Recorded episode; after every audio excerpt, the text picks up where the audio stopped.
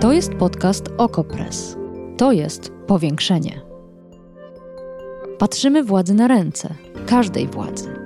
Obserwujemy politykę i życie społeczne. Ustalamy fakty, komentujemy wydarzenia i przede wszystkim rozmawiamy z Wami i z naszymi gośćmi. Zapraszam, Agata Kowalska.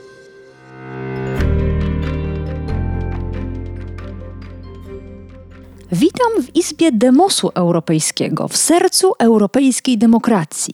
Tak zwracała się do premiera Mateusza Morawieckiego wiceprzewodnicząca Parlamentu Europejskiego Katarina Barley. Hiszpan Esteban González Pons z Europejskiej Partii Ludowej mówił z kolei do Morawieckiego: Gdy pana słuchałem, słyszałem Nigela Farage'a. Pan nie boi się utraty suwerenności, tylko utraty własnej władzy. Inny europoseł z Luksemburga mówił: Proszę się nad sobą zastanowić, skoro panu klaszcze skrajna prawica. Ktoś inny zarzucał Polsce konstytucyjny Brexit. Marek Belka, europoseł z Polski, stwierdził, że to nie premier Mateusz Morawiecki powinien być dzisiaj w parlamencie, tylko Zbigniew Ziobro, bo to on prowadzi politykę europejską Rzeczypospolitej Polskiej. A europoseł Halicki pytał, czy Izba Dyscyplinarna będzie rozwiązana? Czy jest już ustawa? Czy sędziowie, którzy zostali pozbawieni pracy, będą orzekać? Z kolei szefowa Komisji Europejskiej, Ursula von der Leyen, mówiła: Mam głębokie obawy co do wyroku polskiego TK. Już dziś mogę powiedzieć, on kwestionuje podstawy Unii. Sam Morawiecki przemawiał długo. Jak się okazało, za długo. Efekt był taki, że przez ostatnie 10 minut wystąpienie premiera regularnie przerywał przewodniczący, prosząc o finał. I'm coming to my end, zapewniał premier. I przemawiał dalej. A co mówił? Naczelną zasadą, na której opieramy się w Polsce, jest zasada demokracji. Jeśli chcecie tworzyć z Europy beznarodowościowe superpaństwo, to najpierw uzyskajcie zgodę wszystkich państw członkowskich. Cytował też wyroki krajowych trybunałów w sprawie wyższości konstytucji nad prawem unijnym i ubolewał nad losem polskich obywateli, jeśli w wyniku orzeczeń TSUE będzie się podważać miliony wyroków. Czemu służyła ta dzisiejsza debata w Parlamencie Europejskim? I co zamierza Komisja? O tym w dzisiejszym powiększeniu.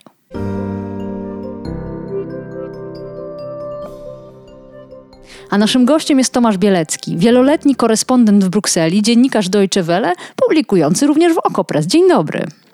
Dzień dobry. Dzisiaj przez naprawdę dobre kilka godzin Parlament Europejski dyskutował o Polsce. E, bardzo wielu głosów krytyki nasłuchał się premier Mateusz Morawiecki, bo spędził ten cały czas w siedzibie parlamentu w Strasburgu. Natomiast mnie zastanawia, czy ta debata miała jakiś konkretny cel, bo Szczerze powiem, że wysłuchałam jej całej i chyba żaden eurodeputowany nie wspomniał, czym ona ma się zakończyć jak to w Parlamencie Europejskim ma zakończyć się rezolucją, która będzie głosowana w czwartek, e, niewiążącą e, prawnie, aczkolwiek ponaglającą e, Komisję Europejską do, do działań wobec Polski. To zresztą dzisiaj przedstawiciele tych głównych klubów, głównych frakcji powtarzali też swoich przemówieniach, które po części były kierowane do von der Leyen, do -hmm. przewodniczącej Komisji Europejskiej. Ona y, pośrednio zapowiedziała, czy też jasno zasugerowała, y, że komisja mm, no, między innymi no, zamierza zainicjować bardzo tak wstępnie postępowanie na podstawie przepisów pieniądze za praworządność. Ona nie powiedziała tego wprost, ale, ale kiedy w swoim przemówieniu powiedziała, że polski rząd musi wyjaśnić w jaki sposób w warunkach y, tej decyzji Polskiego Trybunału Konstytucyjnego zamierza chronić unijne pieniądze, to tak naprawdę opisała pierwszy etap tej procedury, który polega właśnie na wysłaniu takiego pisma do polskiego rządu, żeby wytłumaczył, jak stan praworządności, to, obecne defekty. To zaraz się będziemy przyglądać temu, dlaczego um, szefowa komisji była taka wstrzemięźliwa, a jednocześnie czy rzeczywiście cokolwiek nowego uruchomi, ale jeszcze na chwilę wróćmy do samej rezolucji. Wi wiadomo już, jaka będzie jej treść, co konkretnie e, parlament będzie chciał od komisji? Ta treść jest jeszcze negocjowana, ale, ale według y, projektu, y, na, według stanu na dziś, na dziś rano, y, no parlament w, w, tym w projekcie wzywa Komisję Europejską i Radę UE, czyli państwa członkowskie, aby nie zatwierdzały, między innymi wzywa, aby nie zatwierdzały e, polskiego e, KPO, Krajowego Planu Odbudowy, dopóki Polska e, całkowicie i poprawnie nie wdroży wyroków TSUE mhm. w Polsce. A, ale pisałeś na Twitterze, w trakcie tej debaty, że negocjacje Polska-Komisja dotyczące właśnie Krajowego Planu Odbudowy oparte są na trochę innej taktyce niż to, co sugeruje parlament. Ja, co miałeś na myśli?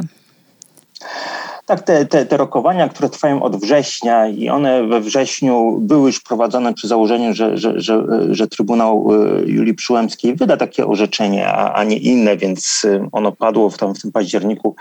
Komisja Europejska była średnio zaskoczona, znaczy rozczarowana, ale zaskoczona nie, więc one opierają się i cały plan y, opiera się na tym, że Polska, jeśli chodzi o lipcowe, lipcowy wyrok TSUE, ma wykonać pierwszy krok teraz, na przykład w pełni zamrozić Izbę Dyscyplinarną, no jakiś taki gest, który pokazuje, że ten wyrok wdroży, natomiast jego całkowite spełnienie y, miałoby być rozłożone do czerwca przyszłego mm -hmm, roku mm -hmm. I, i, i sprawdzenie, mm -hmm. czy w mhm. czerwcu 2020 roku wszystkie ustawy wdrażające te decyzje TSUE lipcowe są już e, wprowadzone, to odmroziłoby pierwszą zwykłą ratę z KPO, a te zatwierdzenie tego KPO wcześniejsze, no cały czas jednak, jednak te rozmowy toczą się wokół jesieni tego roku, no miałoby być po tym pierwszym kroku już, już dokonane, czyli mniej radykalnie niż chce Parlament Europejski, bo jeśli Komisja Europejska miałaby posłuchać tej rezolucji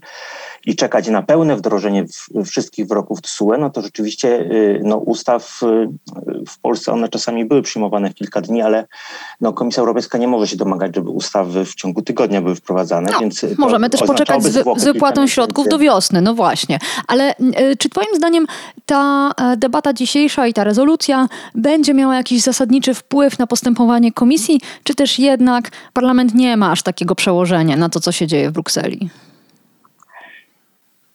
Parlament nie ma aż takiego przełożenia. Nie jest tak, że nie jest nieważny mm, i na pewno ta dzisiejsza e, debata i głosy po niej i ta rezolucja, to one służą też von der Leyen czy też Komisji Europejskiej e, do, do, do sądowania nastrojów.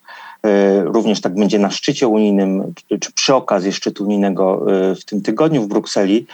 Y, do sądowania nastroju, na ile Unia Europejska jako całość, kraje członkowskie, no jakoś tam Parlament Europejski jest też pośrednio głosem, to są europosłowie reprezentujący również partie rządzące w wielu krajach, tak?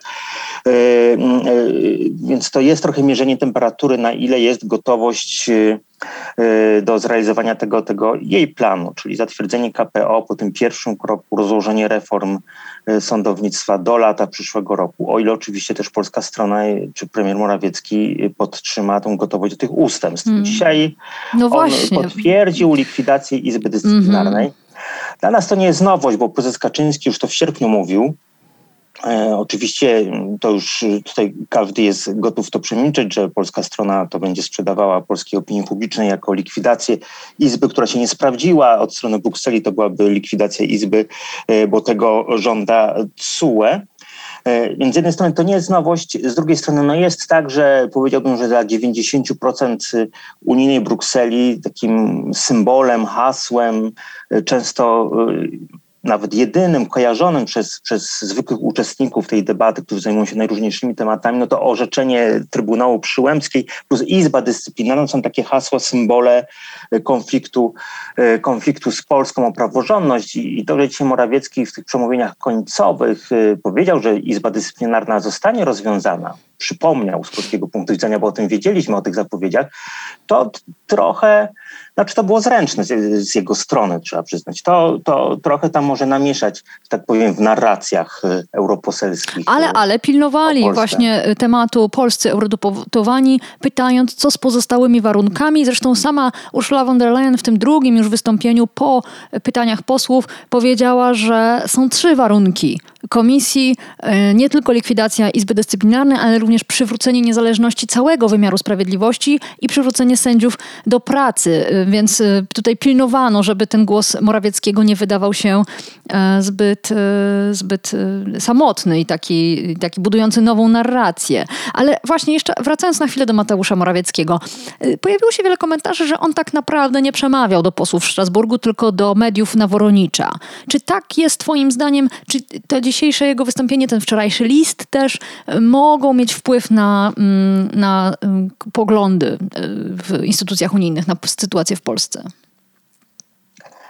Zapewne y, te względy wewnątrzkrajowe y, mogły być głównymi i tam były jakieś y, wiele fraz, które były obliczane na, na elektorat PiS w Polsce.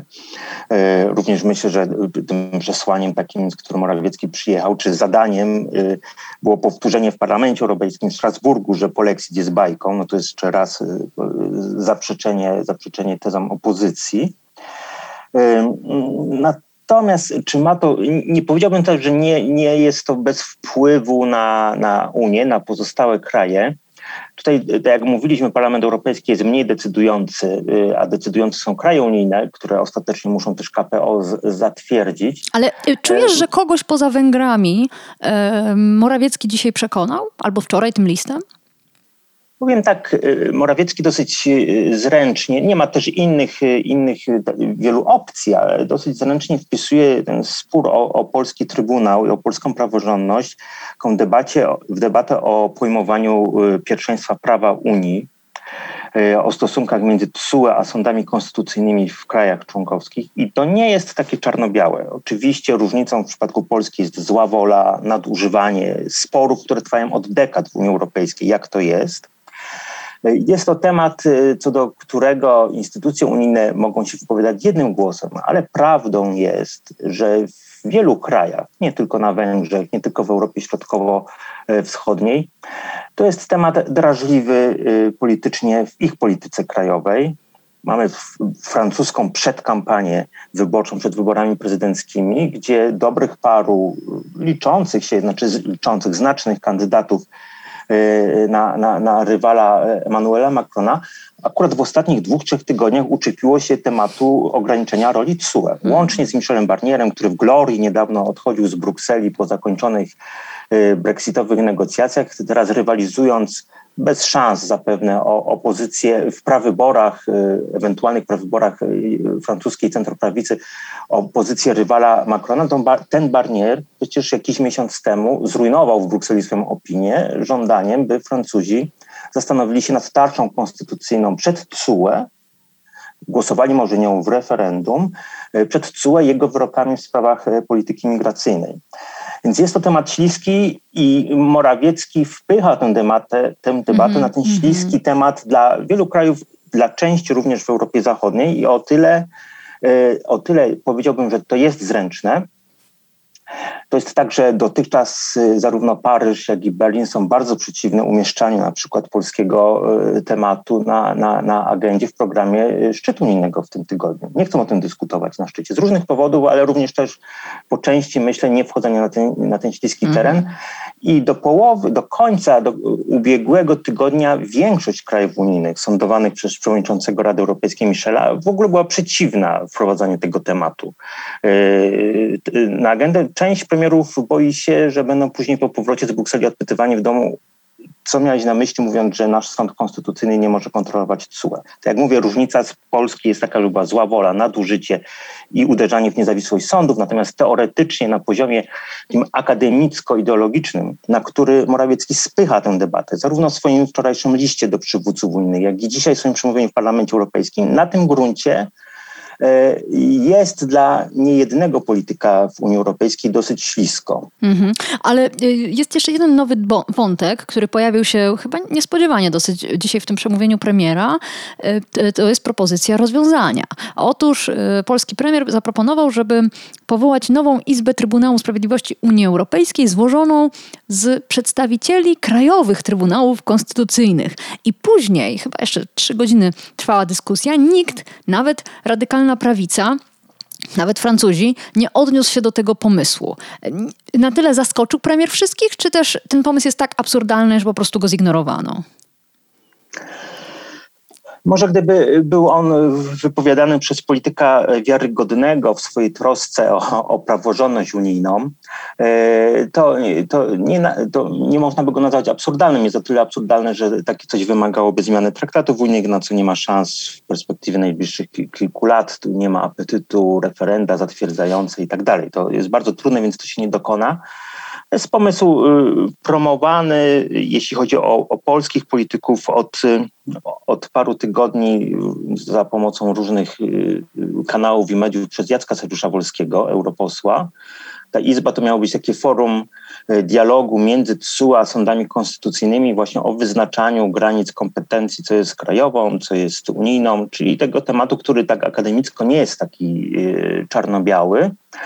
E, no, w, w, w, doktrynie niemieckiego Trybunału Konstytucyjnego Karlsruhe jest mowa o przyjaznym dialogu między sądami konstytucyjnymi a TSUE, więc ta izba to miały być ten przyjazny dialog. Pomysł sam sobie nie jest, nie jest głupi, natomiast no, y, no nie, nie jest wiarygodny, jeśli jest podnoszony przez polityka polskiego obozu rządzącego, więc również dlatego myślę, że nikt, nikt, no, nie nikt wiem, tego nie też nie wyobrażam sobie przedstawiciela polskiego pseudo-trybunału konstytucyjnego e, w, zasiadającego w Izbie TSUE. Po prostu to, e, to, już był, to już byłoby chyba za dużo dla mojej wyobraźni.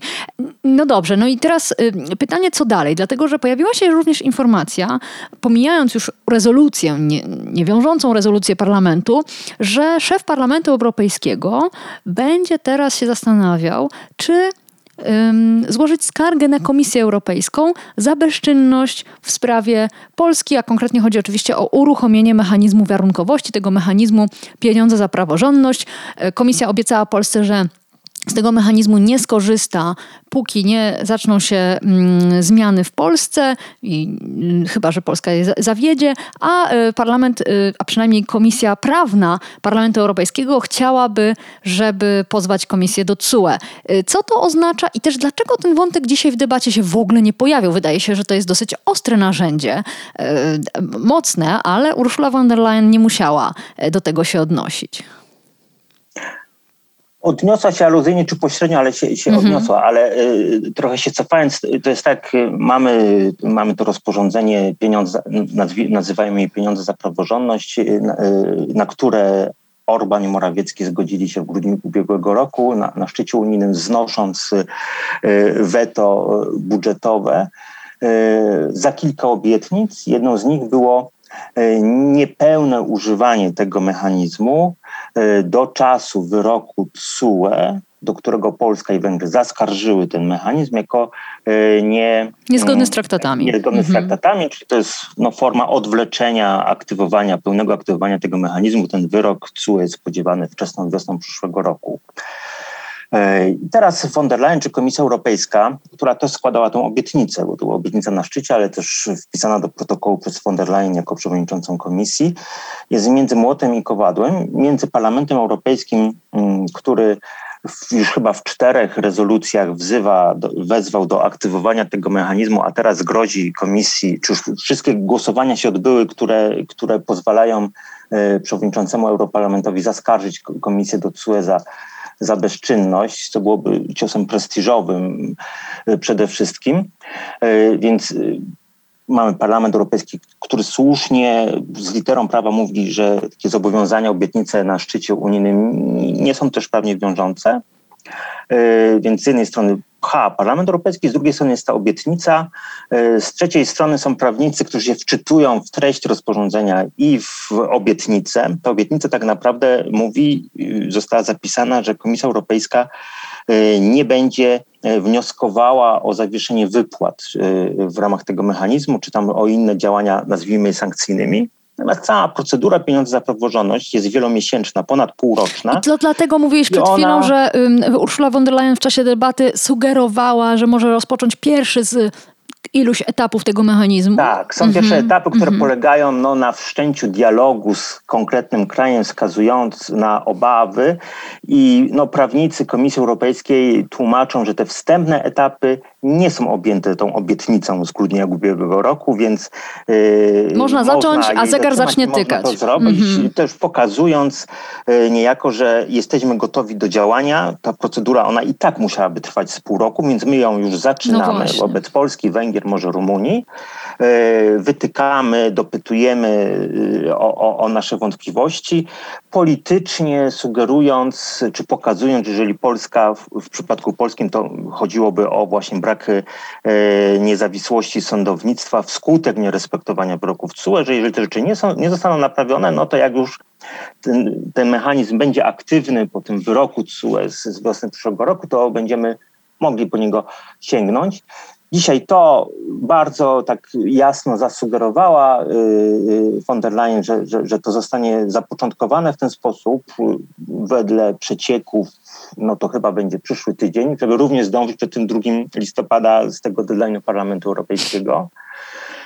Więc wydaje się, że to się stanie, a to też y, politycznie pozwoli Komisji Europejskiej prowadzić czy finalizować w optymistycznym scenariuszu dla polskiego rządu, w każdym razie finalizować rozmowę o KPO. Wtedy KPO można odmrozić, mówiąc krajom członkowskim, mówiąc Parlamentowi Europejskiemu, mówiąc opinii publicznej, że w każdym, razie, w każdym momencie możemy zatrzymać wypłaty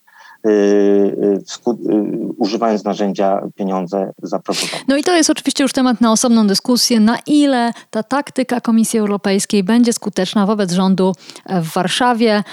Ja mam wątpliwości, ale czas pokaże. Różne już zwroty akcji widzieliśmy w czasie tej historii. Tomasz Bielecki, wieloletni korespondent w Brukseli, dziennikarz Deutsche Welle, publikujący również w Okopres. Bardzo dziękuję za całą rozmowę. Powiększenie Podcast Okopres. Prowadzenie Agata Kowalska. Podcast znajdziesz na stronie Okopres i w Twojej ulubionej aplikacji do podcastów. Redakcja Okopres działa od 2016 roku. Jesteśmy obywatelskim narzędziem kontroli władzy, obecnej i każdej następnej. Okopres utrzymuje się z Waszych darowizn. Wesprzyj nas, byśmy mogli działać dalej.